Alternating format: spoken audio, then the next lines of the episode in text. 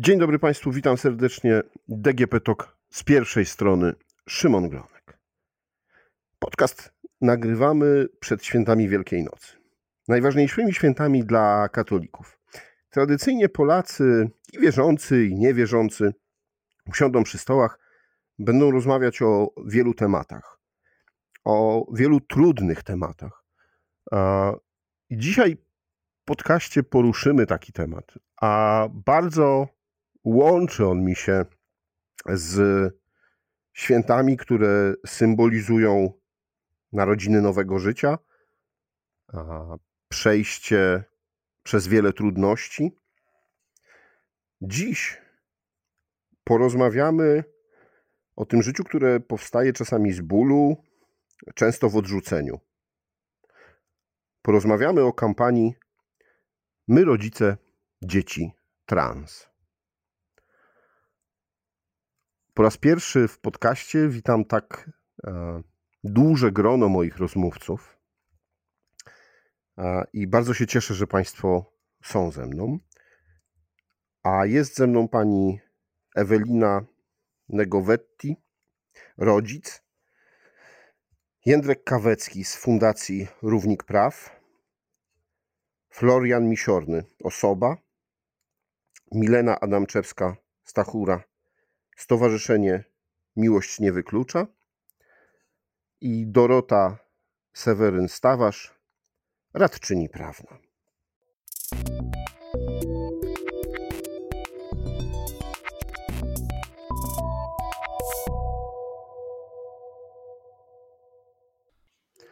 Dzień dobry, witam Was. Dzień dobry. Dzień dobry. Dzień dobry. Dzień dobry. Pani Ewelino, czy to było, czy to jest nowe życie? Czy sytuacja, ten dzień, w którym się pani dowiedziała, to było dla pani właśnie takie nowe życie? Trochę tak. E, to znaczy, to było nowe życie mojego dziecka, kiedy ja się dowiedziałam, że, e, że mam transpłciowego syna. Mm, z czasem oczywiście się okazało, że to, to, to był moment, ten coming out, to nie było, e, to nie było nic tak, tak, tak bardzo nowego, bo to dziecko było zawsze przecież tym samym dzieckiem mm, od samego początku. E, ale wszystko się od tego czasu poukładało.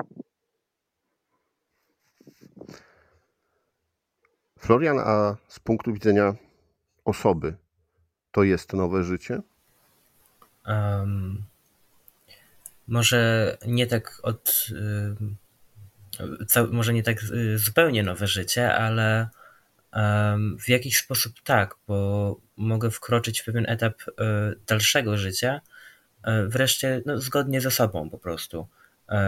I tutaj no, wszelkie y, kwestie chociażby tranzycji społecznej, to zaczynam funkcjonować w wielu y, gronach y, jako nowa osoba. I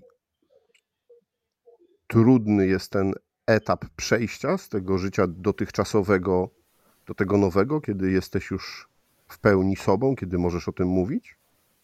Wydaje mi się, że dużo zależy od, e, od, od osoby, bo to jest kwestia indywidualna. E, ja akurat mam e, komfortowe warunki, bo moja mama jest akceptująca, wspierająca.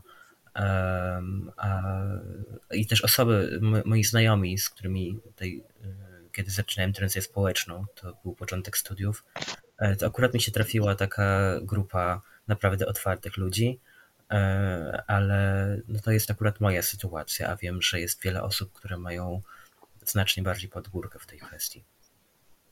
Mhm. I rozumiem dlatego, że żeby zacząć to nowe życie i żeby pokazać, że można, dlatego Państwo wymyśliliście tę kampanię.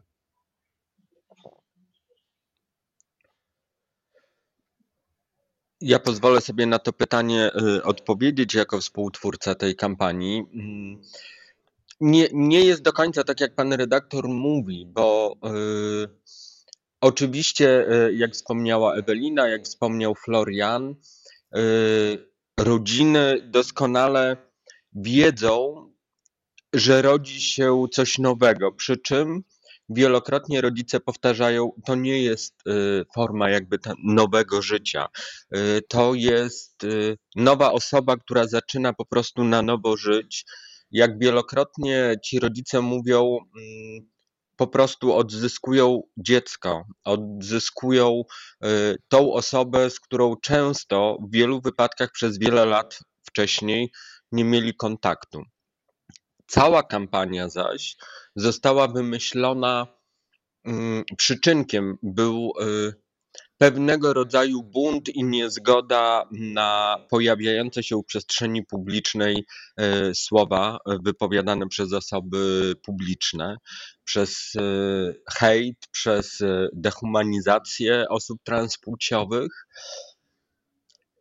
I ta kampania tak naprawdę rodziła się w wielu głowach w pewien sposób naraz. Siłę rodzicom do takiej ostatecznej decyzji, żeby coś zrobić, bez wątpienia y, jakby przyczynił się do niej y, no, nasz znajomy przyjaciel Piotrek Jacoń, który te dwa i pół roku temu bardzo mocno jakby zaakcentował rolę rodzica bo nagle się okazało, że faktycznie wcześniej osoby transpłciowe wielokrotnie y, o siebie zabiegały z mniejszym lub większym skutkiem. Y, to była taka, powiedziałbym, bardzo nierówna walka, bardzo w wielu wypadkach często y, agresywna, która budziła raczej pewną formę strachu w społeczeństwie. Natomiast właśnie wszedł Piotrek, który no właśnie pokazał że w tym wszystkim są też rodzice, y, że są rodziny. I my idąc za jakby tym Piotra przykładem, no stwierdziliśmy, że właśnie chcemy pokazać y, sytuację tych rodzin. Y, bo doskonale zdajemy sobie sprawę i tak nad tym się zastanawialiśmy przy tworzeniu, no nie znajdowaliśmy żadnego argumentu, który mógłby zaatakować de facto miłość rodzica do dziecka.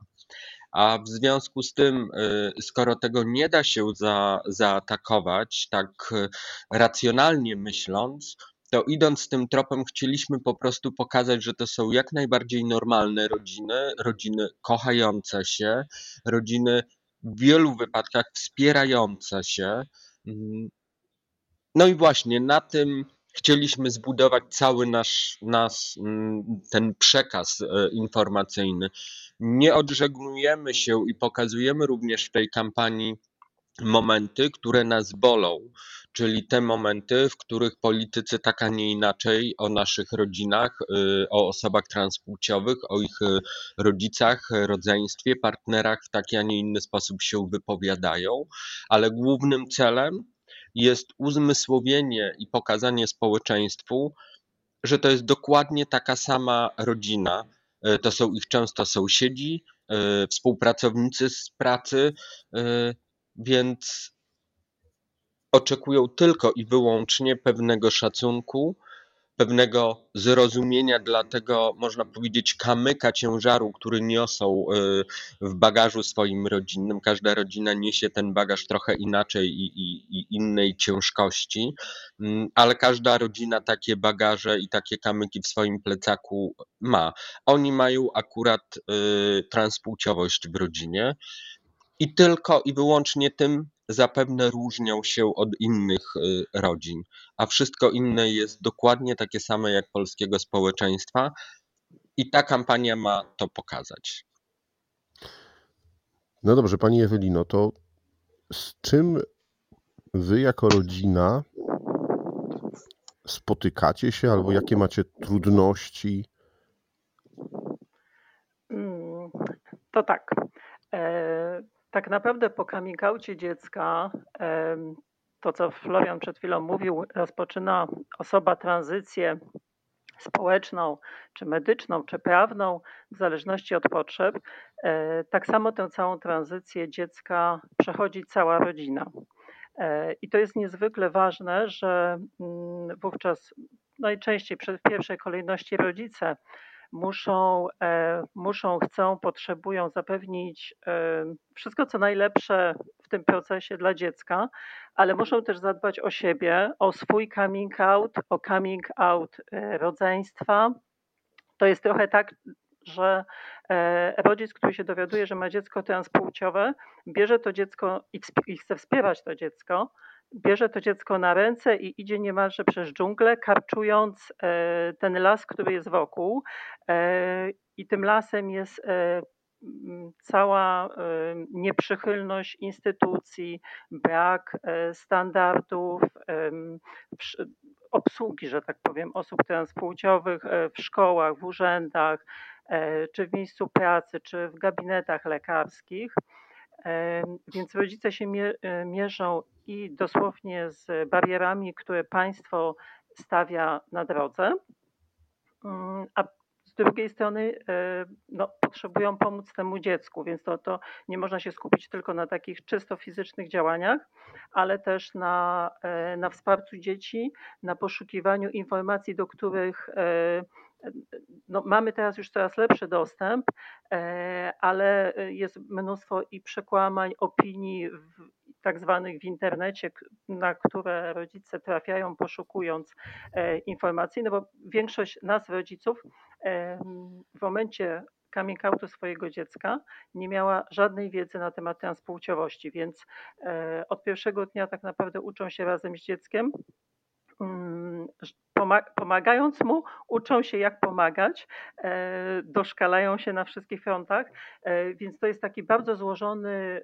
mm, proces, w którym trzeba zadbać o wiele rzeczy naraz e, i nie wiemy mm, w ogóle po, po jakiej powierzchni się poruszamy.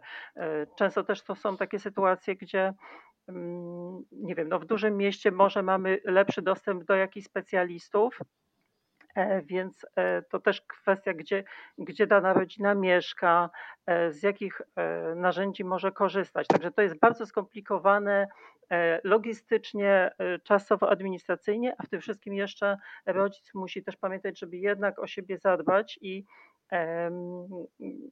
no i poza tym tematem transpłciowości ogarniać jeszcze wszystkie inne rzeczy, które towarzyszą życiu rodzinnemu, E, bo to, co przed chwilą Jędrek powiedział e, o, o tych rodzinach, które przedstawiane są w kampanii, e, no to takie życie rodzinne właśnie jeszcze gdzieś się w tle przecież toczy w każdej naszej rodzinie.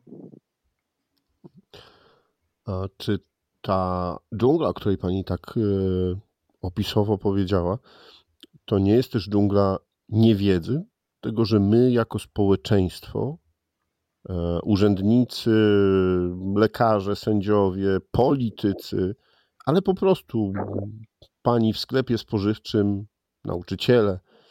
E, nie mamy wiedzy na ten temat, e, albo tylko, no właśnie, słyszymy jakieś wypaczenia w przekazach medialnych. Przede wszystkim tak. Brak edukacji, brak wiedzy to jest absolutnie powód wielu, e, wielu niedobrych rzeczy, które, które się dzieją.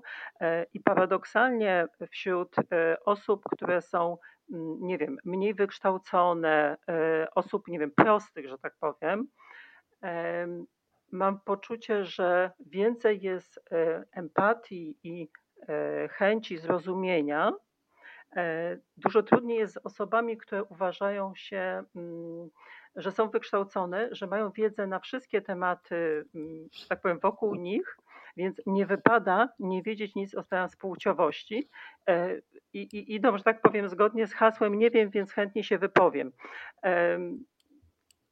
To jest jakby też naturalne trochę, że dorosłemu człowiekowi ciężko jest się przyznać do czegoś, e, że nie wie.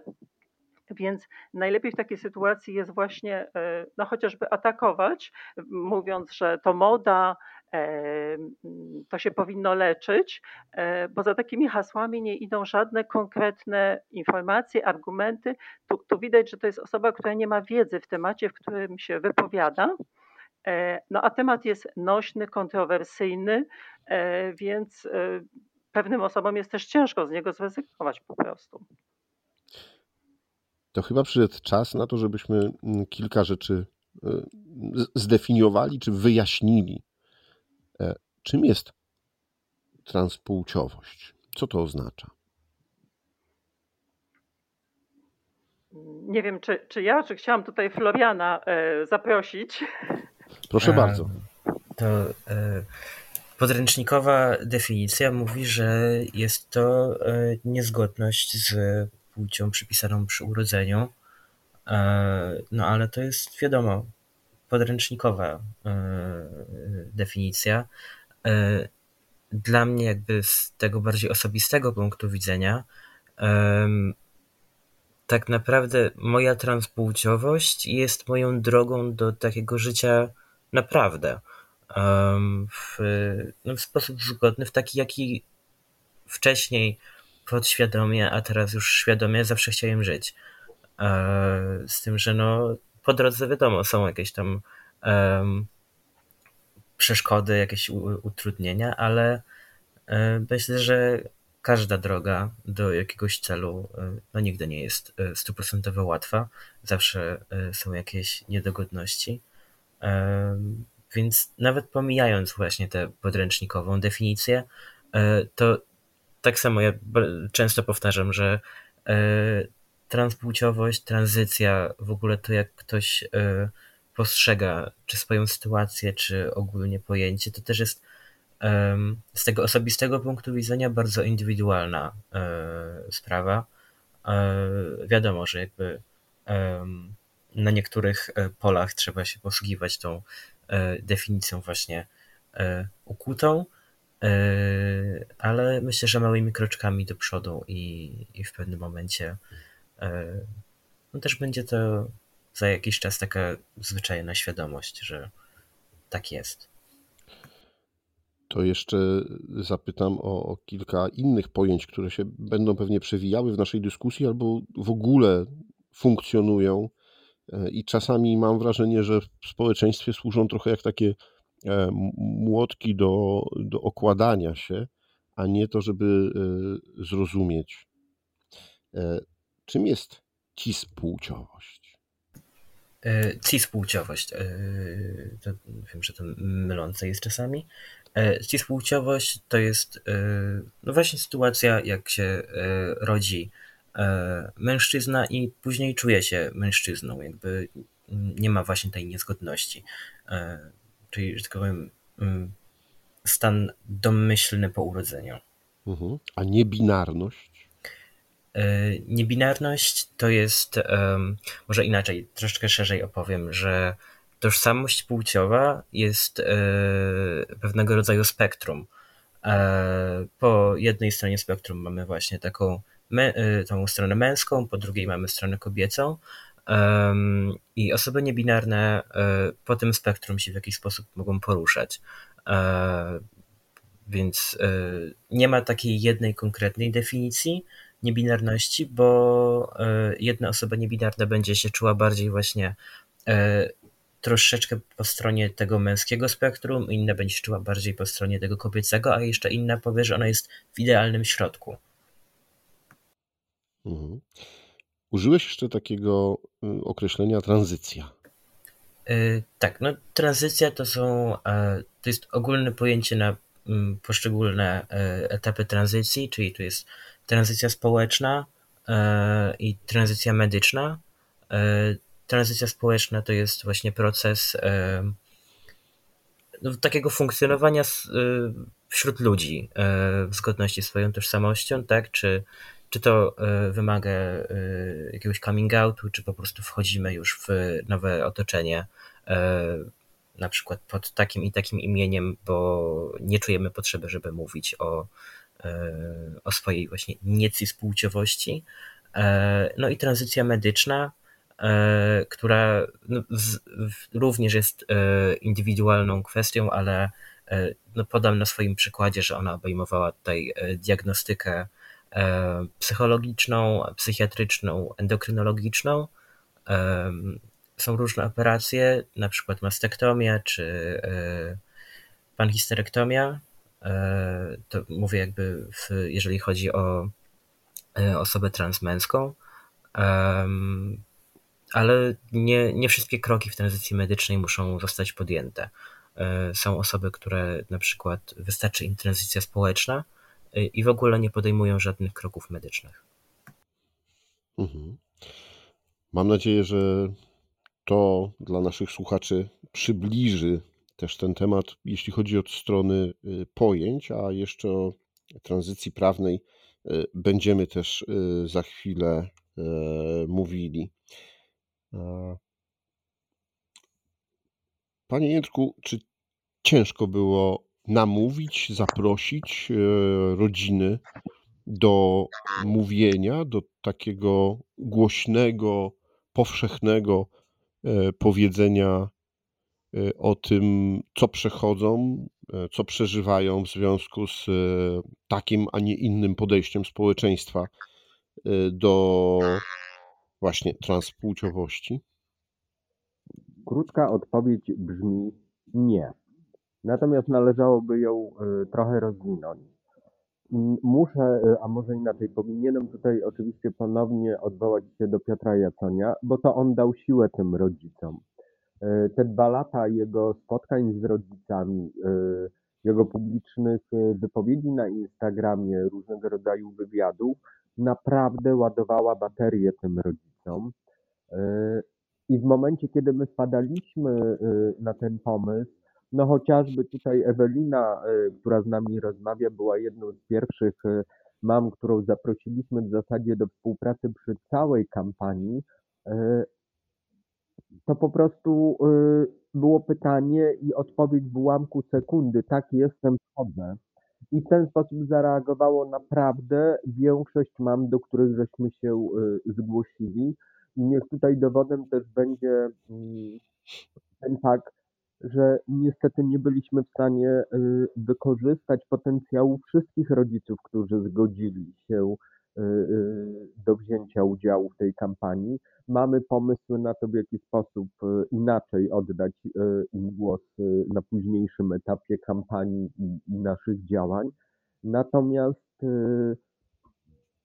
rodzice wiedzą, że ich głos w tej chwili mówi do społeczeństwa. To e, bardzo brzydko zabrzmi, jak e, jakby puentuje to e, takim określeniem, że rodzice zdają sobie sprawę, że mają w tej chwili swoje pięć minut w temacie transpłciowości, ale trochę tak jest, bo właśnie to ponownie wrócę do tego określenia, że w pewien sposób miłości rodzicielskiej nie da się w żaden sposób zhejtować, więc skoro oni de facto w imię tej miłości pokazują sytuację osób transpłciowych, mówią o swoich rodzinach. Tak jak Ewelina wspominała, wspominała mm, rodzice otaczają jakby opieką całą rodzinę. Tam często są rodzeństwa, tam często są współmałżonkowie, y, nowi partnerzy y, rodziców, tam są przyjaciele osób transpłciowych, tych młodych.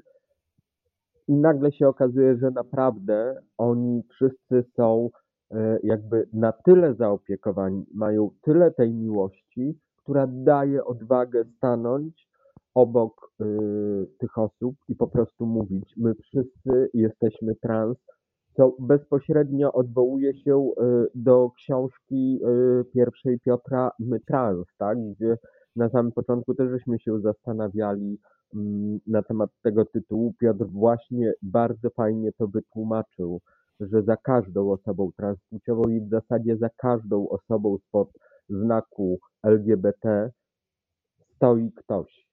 Za tym kimś stoi jeszcze ktoś i nagle się okazuje, że wbrew pozorom to wcale nie jest 15-20% społeczeństwa utożsamiająca się z literkami LGBT, tylko trzeba byłoby doliczyć do tego jeszcze ich rodziny, partnerów, przyjaciół, więc my doskonale też, tak jak tutaj jesteśmy z Eweliną, z Dorotą, z Mileną, z Florianem, widzimy bardzo duży postęp w świadomości społecznej na temat osób LGBT.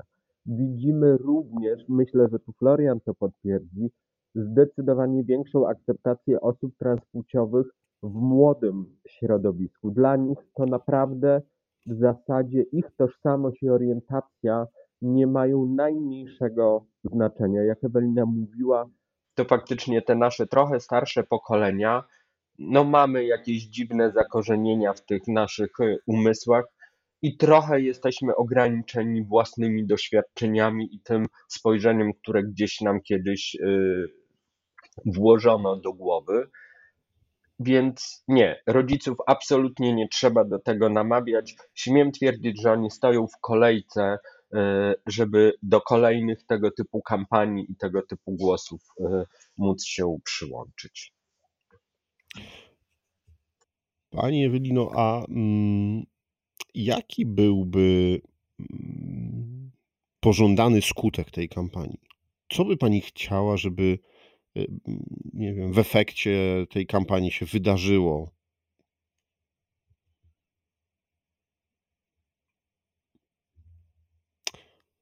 No, nie wiem, proszę Państwa, czy e, nie straciliśmy połączenia z e, panią Eweliną. No dobrze.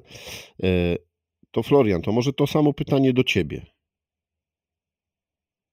Yy, to pytanie o co, o kampanię. Co, tak, ja... jaki, byś, jaki byś chciał, żeby efekt yy, tej kampanii? Mm, wydaje mi się, że moje oczekiwania właściwie y, nie różnią się y, bardzo od y, wszelkich innych działań. To znaczy, ja mam taką nadzieję, że ta kampania raz, że poszerzy świadomość, ale przede wszystkim też y, rzuci światło na y, właśnie na te osoby, na tych rodziców, na przyjaciół, na wszystkich bliskich, którzy stoją za osobami transpłciowymi. Bo y, no, mi się czasem wydaje, że zdarza się nam zapominać, że jedna kwestia to działania aktywistyczne, czy jakiekolwiek, nawet nie, niekoniecznie aktywizm, ale po prostu funkcjonowanie e, osób trans, czy w ogóle spod e, którejkolwiek z liter e, LGBT, ale tak naprawdę równie ważne jest też to wsparcie, ta pomoc od osób, które niekoniecznie są osobami queer, ale no właśnie udzielają takiego wsparcia, udzielają takiej pomocnej dłoni w tym wszystkim. E, więc to jest moje, e, moja taka nadzieja względem tej kampanii, że e, troszeczkę nakreślimy, że i są, są też z nami rodzice i faktycznie jeszcze raz podniesiemy głos, że to są równie normalne rodziny jak każde inne. Pani Ewelina jest już z nami z powrotem, więc y, zapytam jeszcze raz, jakie Pani ma oczekiwania, jakie Pani stawia oczekiwania wobec tej kampanii, wobec tego, co się powinno wydarzyć? Ja bym chciała e, z jednej strony, żeby tak ogólnie mówiąc, społeczeństwo miało szansę zobaczyć, że jesteśmy zwykłymi, przeciętnymi rodzinami i że temat transpłciowości absolutnie nie jest tematem tabu. E, też bym chciała e, bardzo, żeby ta kampania zachęciła inne rodziny, które mają w swoich rodzinach osoby transpłciowe, aby zobaczyły, że, że naprawdę z transpłciowością w rodzinie można żyć normalnie. Więc poza takim aspektem edukacyjnym, mam nadzieję, że też taki że, że, w tej kampanii, w tych filmach rodziny osób transpłciowych zobaczą e, i do, do, poczują takie wsparcie mm, no, emocjonalne, e, które pomoże im e, wyciągnąć rękę do swoich dzieci transpłciowych czy do innych osób transpłciowych, jakie mają w rodzinie. Że ta kampania pozwoli im lepiej zrozumieć, że że tak naprawdę to są, to są osoby z ich rodziny, e, które nie zmieniły się e, tylko dlatego, że e, okazały się, że tak powiem, osobami transpłciowymi mm, i że ta kampania doda im odwagi po prostu do, do wyciągnięcia tej ręki bliskim osobom. Myślę, że czas, żebyśmy przeszli trochę do takich rzeczy związanych z tranzycją prawną, e, bo to jest e, bardzo trudny temat. Poza tematem o tranzycji społecznej, o której mówił Florian i mówiła e, pani Ewelina, to, to teraz chciałbym zapytać panią Milenę i panią Dorotę, prawniczki, które są tutaj z nami, na temat tego, jak taka prawna sytuacja E, osób transpłciowych wygląda w Polsce? To może zacznę od tego, żeby też zaznaczyć, że ta tranzycja prawna, mm, po pierwsze, dzieje się równolegle e, do tranzycji społecznej, do tranzycji medycznej, e, a po drugie, też nie dla każdej osoby transpłciowej musi wyglądać tak samo i nie takie same muszą być też oczekiwania każdej osoby. E, bo co do zasady, tranzycja prawna to uzgodnienie danych metrykalnych, tak? czyli oznaczenia płci metrykalnej, którą wszyscy mamy w e, aktach urodzenia w pewien sposób zaznaczoną, ale też na przykład e, zmiana imienia na imię używane. I tu już jest pierwsza rzecz, która właśnie jakby nie zawsze jest oczywista, że niektóre osoby, gdyby taką możliwość w Polsce miały, może na przykład chciałyby poprzestać e, na e, zmianie imienia na imię używane. Na ten moment e, w Polsce, chociaż nie wynika to wprost z przepisów, praktyka urzędów stanu cywilnego jest taka, że rzeczywiście zmiana imienia jest możliwa w przypadku osób transpłciowych, ale niestety tylko na imię neutralne płciowo, tak? czyli urzędy nie zgadzają się na to, żeby osoba, która jeszcze nie dokonała zmiany oznaczenia płci metrykalnej, e, zmieniła imię na wskazujące na płeć przeciwną.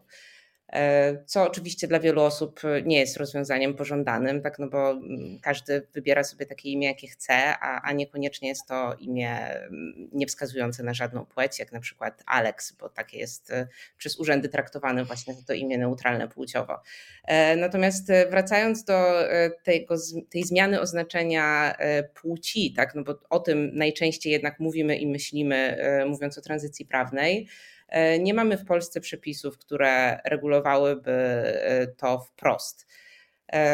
Nie mamy tych przepisów od lat, w związku z czym od lat orzecznictwo sądów oparte na orzecznictwie Sądu Najwyższego mm, wypracowało procedurę, e, w jaki sposób może się to zadziać. Tak? I jest to procedura oparta na takim ogólnym przepisie postępowania cywilnego, to jest artykuł 189, który mówi o tym, że można mm, E, można dochodzić ustalenia e, istnienia prawa lub stosunku prawnego.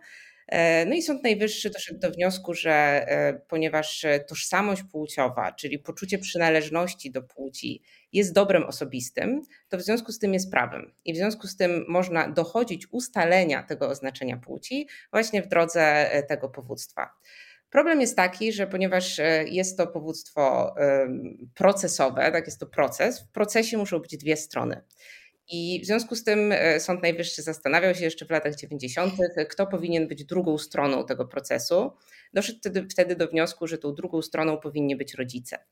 I nie wynika to z tego, to jest częsty błąd, więc zaznaczę to od razu, że Sąd Najwyższy stwierdził, że to rodzice w jakiś sposób zawinili po urodzeniu dziecka, oznaczając tą płeć błędnie. Tak? To, to nie o to chodzi. To nie jest właśnie pozwanie rodziców za to błędne oznaczenie płci. To jest pozwanie rodziców, y, dlatego że ktoś musi być po stronie pozwanej. I jakkolwiek brzmi to może niezrozumiale i nieintuicyjnie, no to, to właśnie w ten sposób zostało to w tych orzeczeniach sformułowane. I tak naprawdę od tych lat 90. I, i takich fundamentalnych właśnie orzeczeń Sądu Najwyższego, y, polskie sądy powszechne stosują e, taką praktykę. E, I zdarza się, zdarzyło się przez te wszystkie lata naprawdę tylko sporadycznie, że jakieś sądy tego typu powództwa oddalały, stwierdzając, że ta droga w ogóle nie jest właściwa i nie istnieje. Jest już raczej absolutnie przyjętą praktyką, że takie powództwo można wytoczyć i że powinno ono się w związku z tym zakończyć uznaniem powództwa i właśnie zmianą tego oznaczenia płci. E, problemem, e, o którym możesz powie też więcej Dorota, żebym e, też tak nie, nie dominowała tego wątku prawniczego, jest to, w jaki sposób całe to postępowanie będzie wyglądać. Tak? Bo ponieważ nie mamy przepisów, które by to regulowały. Otwiera się tak naprawdę pełna droga do tego, żeby z jednej strony rozwijały się tu dobre praktyki, ale niestety też, żeby rozwijały się złe praktyki.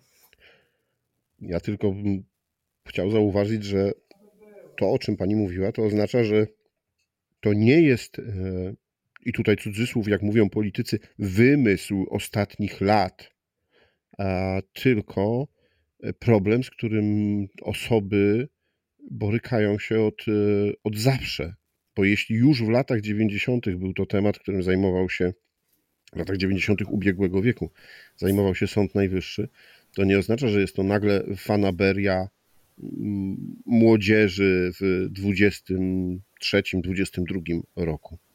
E, co, co więcej, jeśli jeszcze mogę, to Sąd Najwyższy zajmował się tym e, już dużo wcześniej niż w latach 90. ubiegłego wieku, bo nawet w latach 70. Co więcej, to orzecznictwo z lat 70. E, było w pewnym sensie, można nawet powiedzieć, prostsze, tak? dlatego że w sensie ta procedura była prostsza, ponieważ opierała się wtedy na załatwieniu wszystkiego wokół problematyki aktów stanu cywilnego, tak? czyli w ogóle nie, nie przenosiła tego na, na ten grunt procesu i procedury cywilnej, tylko e, do, tej, e, do tego uzgodnienia oznaczenia płci dochodziło w drodze sprostowania aktu urodzenia. I, I tak naprawdę można w związku z tym mówić, że te lata temu, tak w latach 70., e, ta procedura była nawet bardziej może zgodna z prawami człowieka niż obecnie. Tak? No, natomiast w latach 90. rzeczywiście e, została po prostu wypracowana w takim kształcie, w jakim e, znamy ją teraz. Pani Doroto. Ja sobie, jeżeli tak? tylko mogę e, wrzucić taką ciekawostkę, już poruszyliśmy temat czy fanaberia, czy nie, to nawet teraz w Łodzi jest wystawiony spektakl bazowany na, na prawdziwych wydarzeniach, bo w jeżeli dobrze pamiętam, w 1939 roku e, była właśnie w, w Łodzi e, osoba transpłciowa, która e, wprawdzie to nie było tutaj prawnie zgodne, ale posługiwała się danymi swojego kuzyna. I jakby tutaj chcę się do tego odwołać właśnie na zasadzie, że już nawet w czasach wojny były można się cofnąć do II wojny światowej, mhm. żeby znaleźć jakieś poszlaki. No, lekarze mówią, że było to od zawsze, odkąd są y, ludzie. tak, bo to jest w ogóle kwestia e, różnych kręgów kulturowych, e, bo no, są, e, są takie kultury, które pozwalają w pewnym momencie życia osobie zdecydować, czy chce przynależeć do męskiej czy żeńskiej części społeczności, czy w ogóle wyjść poza ten schemat, ale to, to jest mhm. długi wątek. E, pani Doroto, to wróćmy do tej, e, no, jak ja czytałem o tym, to powiem szczerze, absurdalnej sytuacji, że dziecko musi pozwać e, własnych rodziców, no ale jak ta procedura wygląda? Tak jak Milena powiedziała, ta procedura tym y, kształcie, który aktualnie, y, aktualnie obowiązuje, czyli y, powództwo ustalenie, no, funkcjonuje już od wielu lat i rzeczywiście jest tutaj konieczne pozwanie rodziców. Niemniej tutaj też Sąd Najwyższy stoi na takim stanowisku, że tak naprawdę rodzice w tym postępowaniu nie mają interesu prawnego, a ich ta legitymacja bierna, czyli, czyli udział w, w tym procesie jest niejako taką sztuczną konstrukcją. I to tak naprawdę powinno w tym postępowaniu powodować, że ta rola rodziców jest niewielka. E, albo żadna w zasadzie, że oni tak naprawdę tylko tam są. Niemniej no jest to proces i cała procedura tutaj e, cywilna ma zastosowanie, w związku z tym no, są traktowani jak pozwani, jest im wysyłany ten pozew ze wszystkimi dokumentami, które są do tego pozwu złożone, ale, a więc także z informacjami dotyczącymi jakichś kwestii medycznych y, osoby transpłciowej. W sytuacji, w której mamy rodziców wspierających, którzy y, to postępowanie y, przechodzą razem z osobą transpłciową, którzy uznają powództwo, tak naprawdę modelowo takie postępowanie mogłoby zakończyć się nawet na dzisiaj na posiedzeniu niejawnym albo na jednej rozprawie Dużo trudniejsza sytuacja jest, gdy rodzice nie są wspierający, gdy utrudniają to postępowanie, pomimo że tak naprawdę ich działania nie powinny mieć żadnego wpływu na przebieg tego postępowania, a to właśnie z uwagi na to, że jest to ta sztuczna konstrukcja jakby procesu i ról procesowych. Co dla mnie najbardziej, jako osoby prowadzącej takie postępowanie pełnomocniczki w tych sprawach trudne, to jest rozmowa z klientami, z klientkami o tym, jak to postępowanie może przebiegać. Ja nie jestem w stanie zagwarantować e, osobom, które do mnie przychodzą, jakby stałość tego postępowania. Nie mogę im powiedzieć, że e, w związku z tym, że te postępowania toczą się od lat 90., to mamy praktykę jednolitą i w związku z tym e, będziemy mieli na przykład e, jedną rozprawę i będzie to szybko i w miarę bezboleśnie, dlatego że w zależności od tego, kto w takiej sprawie orzeka, jak, jaki jest skład sądu, te sprawy przebiegają w bardzo różny sposób. I tak, Mamy sprawy, które zakończa, zakończa, zakończone są na posiedzeniu niejawnym, czyli w ogóle bez udziału w zasadzie stron. E, rodzice składają odpowiedź na pozew i na posiedzeniu niejawnym zapada wyrok, co jest bardzo komfortowe dla osoby transpłciowej, ponieważ w ogóle nie musi stawiać się w sądzie, e, mierzyć z tą całą machiną sądową, e, tłumaczyć i opowiadać o, swojej, o swoim życiu, o swoich jakichś sprawach intymnych i, i tak naprawdę jest to trochę na zasadzie takiego e, urzędowego załatwienia sprawy, ale mamy również sprawy, gdzie jest wyznaczana rozprawa, gdzie są przesłuchiwane obie strony. Mamy rozprawy, e, mamy sprawy, w których jest kilka rozpraw. E, mamy takie, gdzie sąd powołuje biegłego lub powołuje kilku biegłych. To powoduje, że te sprawy się bardzo wydłużają, ponieważ przeprowadzenie opinii biegłego bądź na przykład trojga biegłych. E, po prostu bardzo wydłuża to postępowanie. Dzisiaj w ogóle postępowania sądowe trwają długo, bo wiemy, jak jest duże też obłożenie sądów, a to jeszcze bardziej wydłuża postępowanie. Bardzo ważne jest także w tej kampanii, e, żeby także osoby prawnicze zrozumiały, czym jest transpłciowość i czym na co dzień mierzą się osoby transpłciowe, także po to, aby zadbać o ich dobrostan w tym postępowaniu, a więc między innymi na przykład po to, aby dążyć y, do skrócenia maksymalnie tego postępowania albo do rozpoznawania tych spraw, spraw niejako priorytetowo, e, ponieważ każdy dzień niekiedy dla osoby transpłciowej to jest y, przed jakby tą tranzycją prawną, przed y, zmianą dokumentów, przed możliwością życia tak, jak ona chce żyć, e, to jest bardzo trudny dzień. To może być dzień traumatyczny, to może być ten dzień, w którym ona się na przykład załamuje. Każda osoba, która do nas przychodzi ze, ze swoją sprawą o tranzycję prawną jest inną osobą i każda inaczej przeżywa to postępowanie. Są osoby, które są pogodzone z tym, że to postępowanie będzie trwało dwa lata i że będą powołani biegli, a są osoby, które nie są absolutnie na to gotowe. A standardy tego postępowania są takie, że biegli na przykład w tych sprawach są zupełnie zbędni. Tak naprawdę wystarczą dokumenty zgodnie z zaleceniami Polskiego Towarzystwa y, Seksuologicznego i wystarczy dokument e, opinii od dwóch specjalistów e, i na tej podstawie sąd e, powinien tak naprawdę wydać po prostu wyrok ustalający, my jako tutaj prawnicy, prawniczki mówimy uzgadniający płeć osoby dochodzącej tego w procesie. Natomiast modelowo niestety tak to nie wygląda. Dla mnie jako pełnomocniczki i osoby zajmujące zajmujące się także prawami człowieka, e, ta niepewność prawa i brak możliwości zagwarantowania klientom i klientkom stałego i jedno, jednolitego przebiegu postępowania jest absolutnie nie do zaakceptowania. Mhm. A pani Mileno, pracowała Pani kiedyś w biurze Rzecznika Praw Obywatelskich i tam przygotowała Pani taki poradnik, taki e, zbiór można powiedzieć, wytycznych, chociaż one nie są wiążące dla e, sędziów, e, jak prowadzić takie e, procesy. Czy rzeczywiście w Polsce sędziowie mają z tym kłopot? Czy, czy to jest tak, że prawo jest na tyle mm, niejasne i nieprecyzyjne, że to, o czym mówiła pani Dorota, można tak szeroki, w tak szerokim wachlarzu te sprawy prowadzić od niejawnej na jednym posiedzeniu, y, aż po wzywanie y, wielu biegłych i rozpatrywanie tej spraw przez, tych, tych spraw przez długi czas? E, to może zaznaczę, że ja byłam współautorką tego przewodnika e, razem z radczynią prawną i doktorką e, Pauliną Pilch. Rzeczywiście była to wówczas publikacja wydana przez Biuro Rzecznika, co pozwoliło nam też formułować no, w imieniu Rzecznika Praw Obywatelskich takie właśnie rekomendacje dla sędziów.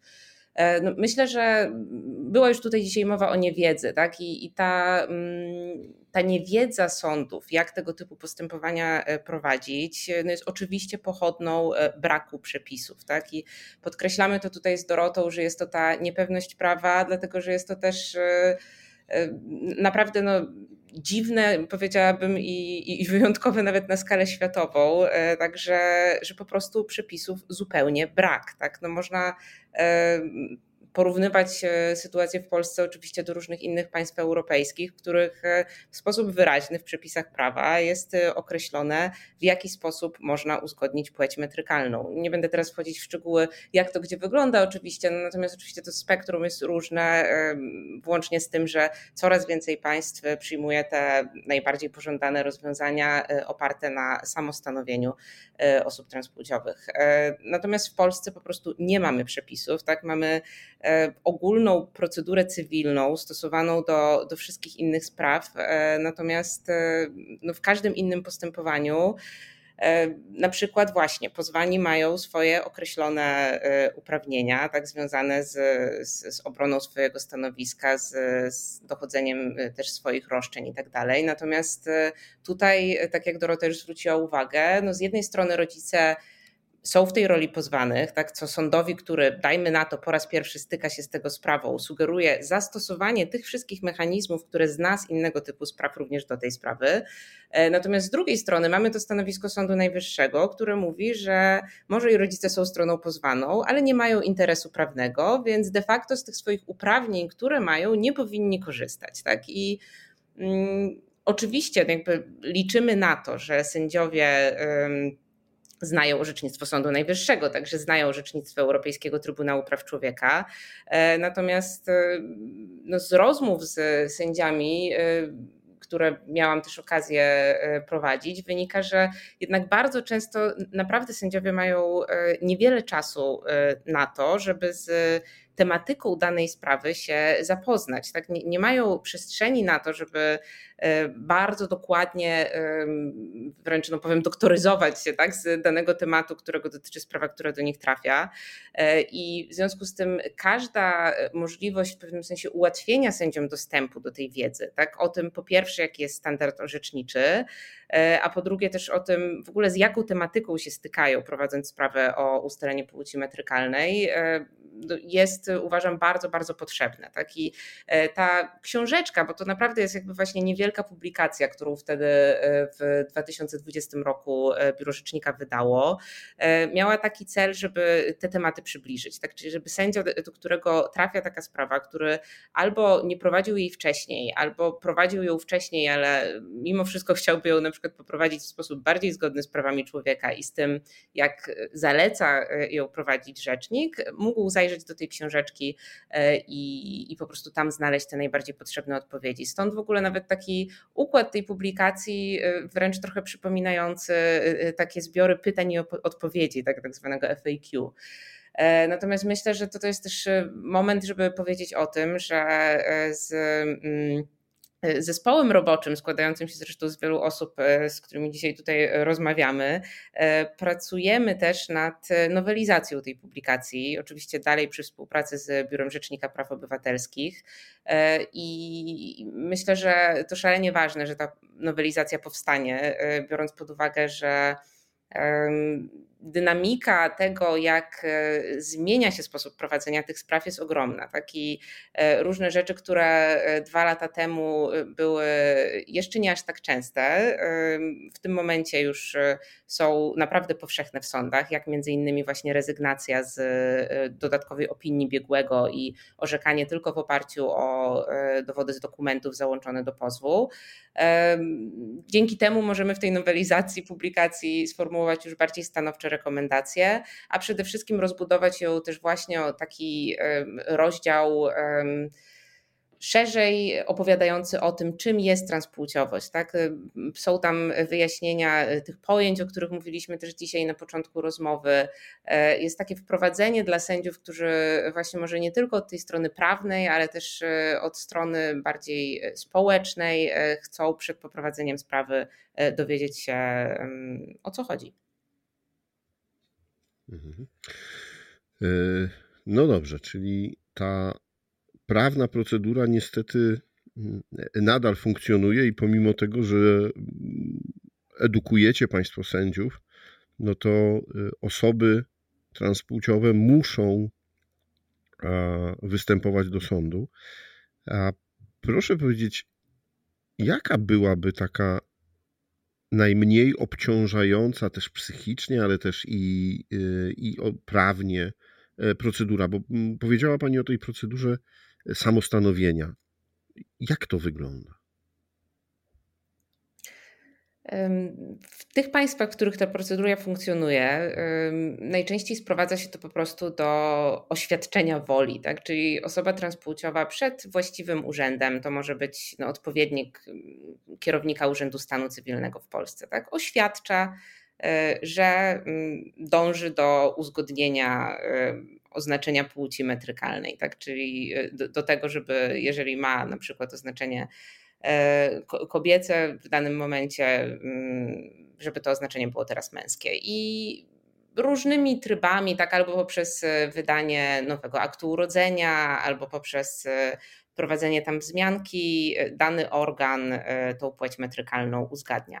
I tyle. Tak, tak naprawdę nie wymaga to żadnych specjalnych procedur, nie wymaga to załączania e, tony dokumentacji. Opieramy się na e, podstawowym założeniu właśnie tego, że każdy i każda z nas ma prawo decydować o sobie. Jest to element naszego prawa do życia prywatnego.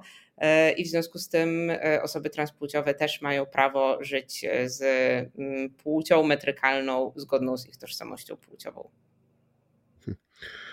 E, jeśli tego słucham i słucham o tym poradniku dla prawników, to pomyślałem sobie, że może przydałby się, żeby ktoś napisał taki poradnik dla polityków e, i e, żeby mieli wyraźnie, jasno napisane, dlaczego powinni zająć się tym tematem i dlaczego to powinno być uregulowane w prawie. Ale chciałbym wrócić jeszcze tutaj do kampanii. Panie Jędrku, co dzieje się w kampanii? Jakie e, rzeczy e, przewidzieliście, żeby właśnie dotrzeć z tymi wszystkimi informacjami, o których dzisiaj tu powiedzieliśmy, ale też o których pewnie nie zdążyliśmy powiedzieć, e, dotarły do, szeroko do społeczeństwa? Jakby y, wracając do początku, o czym mówiłem, co jest celem kampanii, mm, jest w pewien sposób pokazanie normalności y, życia, normalności funkcjonowania wszystkich rodzin. A co za tym idzie, y, przez tą normalność chcemy te społeczeństwo edukować. Jak mówiła Dorota, jak mówiła y, i Milena, i Ewelina, i Florian wspominali, przez pewną formę edukacji, czyli przez pewną tą formę pokazywania normalności, jakim jest zjawisko transpłciowości, chcemy przedstawić historię rodzin, na bazie tej historii zachęcić do odwiedzenia specjalnie stworzonej strony zrozumieć-transpłciowość.pl.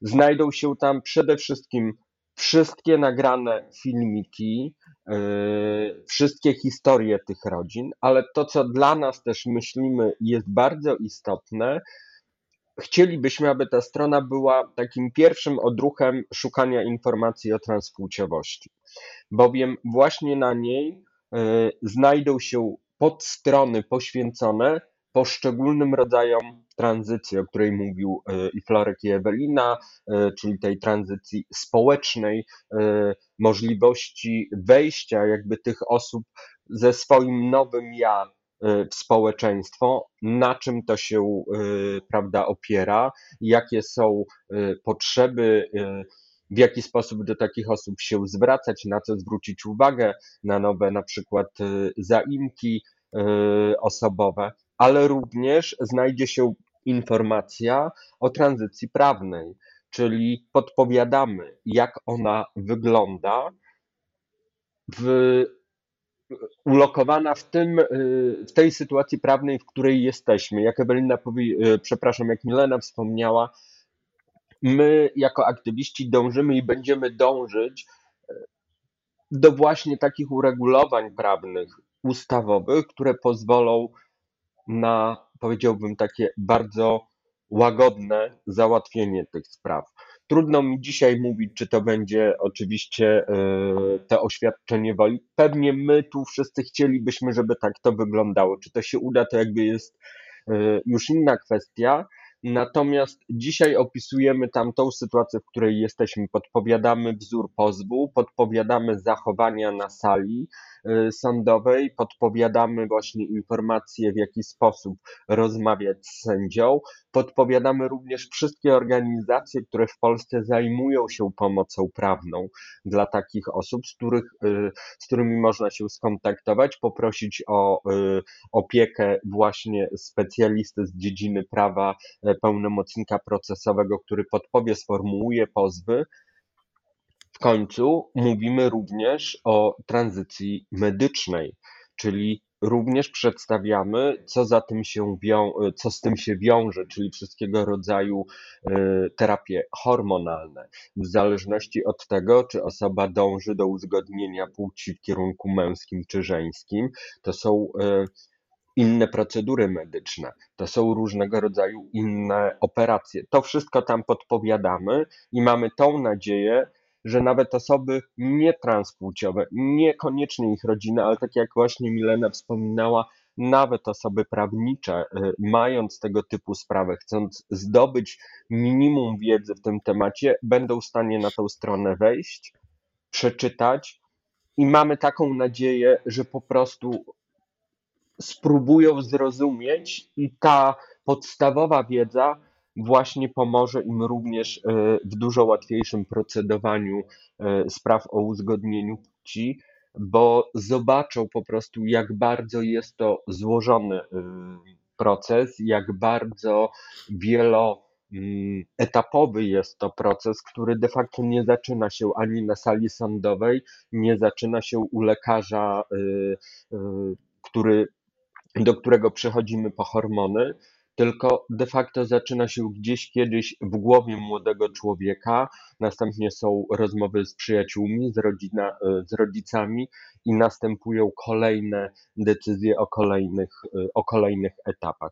Natomiast to, co dla nas w całości tej kampanii jeszcze jest jakby bardzo ważne, to na co zwróciła zarówno i Ewelina, i, i E, pozostałe rozmówczynie, czyli forma edukacji i społeczeństwa, wzmocnienia rodziców, którzy za chwileczkę dowiedzą się o transpłciowości swoich dzieci, bądź dowiedziały się na tyle mm, niedawno, że jeszcze nie poukładały sobie tego w głowie.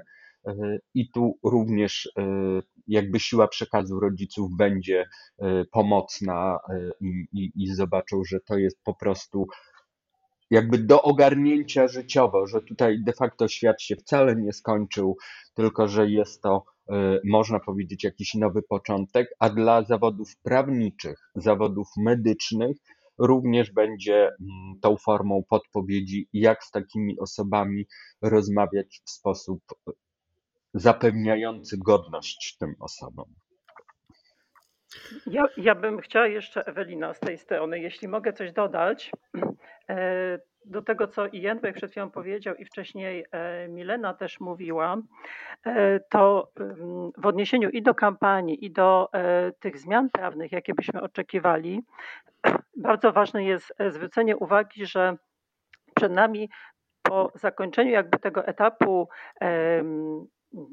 E, tego etapu pracy nad e, poradnikiem dla sędziów, osób sędziowskich, prawniczych, e, jest jeszcze etap zmiany trochę myślenia środowiska medycznego, ponieważ to, że w Europie na przykład mamy zauważalny wzrost procedury samostanowienia, to nie polega tylko na tym, że jakaś osoba transpłciowa idzie do urzędu i mówi po prostu pewnego dnia, E, proszę mi zmienić oznaczenie płci, e, ale to wynika z pewnego procesu, który zachodzi w tych krajach, który się nazywa demedykalizacją i depatologizacją e, transpłciowości, coś, co u nas jeszcze jest bardzo w powijakach, bo u nas ta cała dokumentacja medyczna jest niezwykle istotna w sądach, ale kiedy na przykład wejdziemy już do środowiska biegłych, to to jest niezwykle ważny temat, e, że mm, tak naprawdę mm, powinniśmy zacząć już powoli przestawać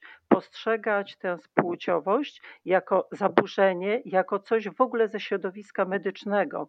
I tutaj będzie trochę trudniejsze wyzwanie przed nami, e, ponieważ o ile sędziowie, osoby prawnicze mogą być nam pomocne w procesach o uzgodnienie płci, to wyobrażam sobie, że osobom ze środowiska medycznego ciężko będzie też e, oddać ten kawałek, mówiąc wprost, chleba czy obszaru ich zainteresowań i powiedzieć pewnego dnia: OK, e, osoby transpłciowe nas już nie potrzebują, bo tak naprawdę mm, rozbudowana ilość medycznych historii, zabiegów, propozycji, które wydają się być obowiązkowe dla osób transpłciowych, dzisiaj wiemy, że one nie mają racji bytu ale to jest pokłosie e, patologizacji przede wszystkim e, transpłciowości w społeczeństwie.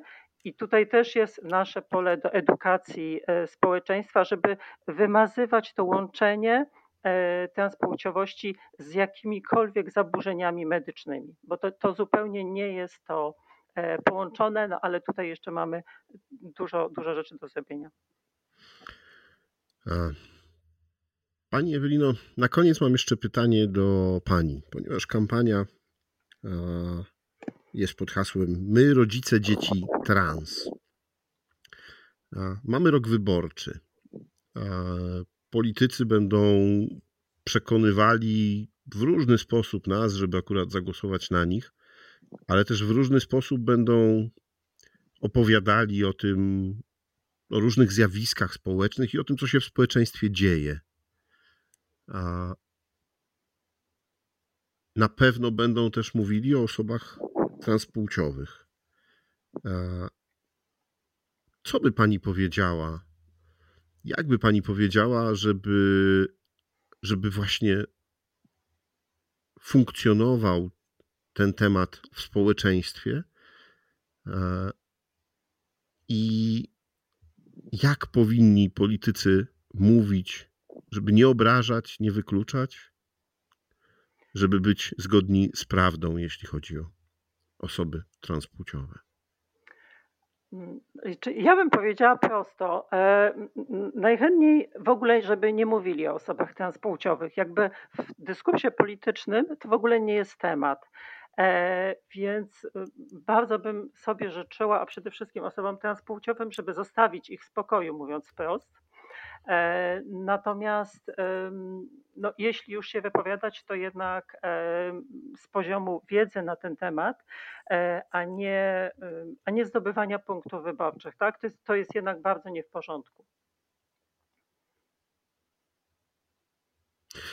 Specjalnie zostawiłem tą ciszę na koniec, żeby Państwo mogli się nad tym zastanowić i też, żeby nasi słuchacze, kiedy będą chcieli dyskutować czy zabrać głos w tym temacie, zastanowili się, na ile mają wiedzy i mogą e, kompetentnie o tym powiedzieć.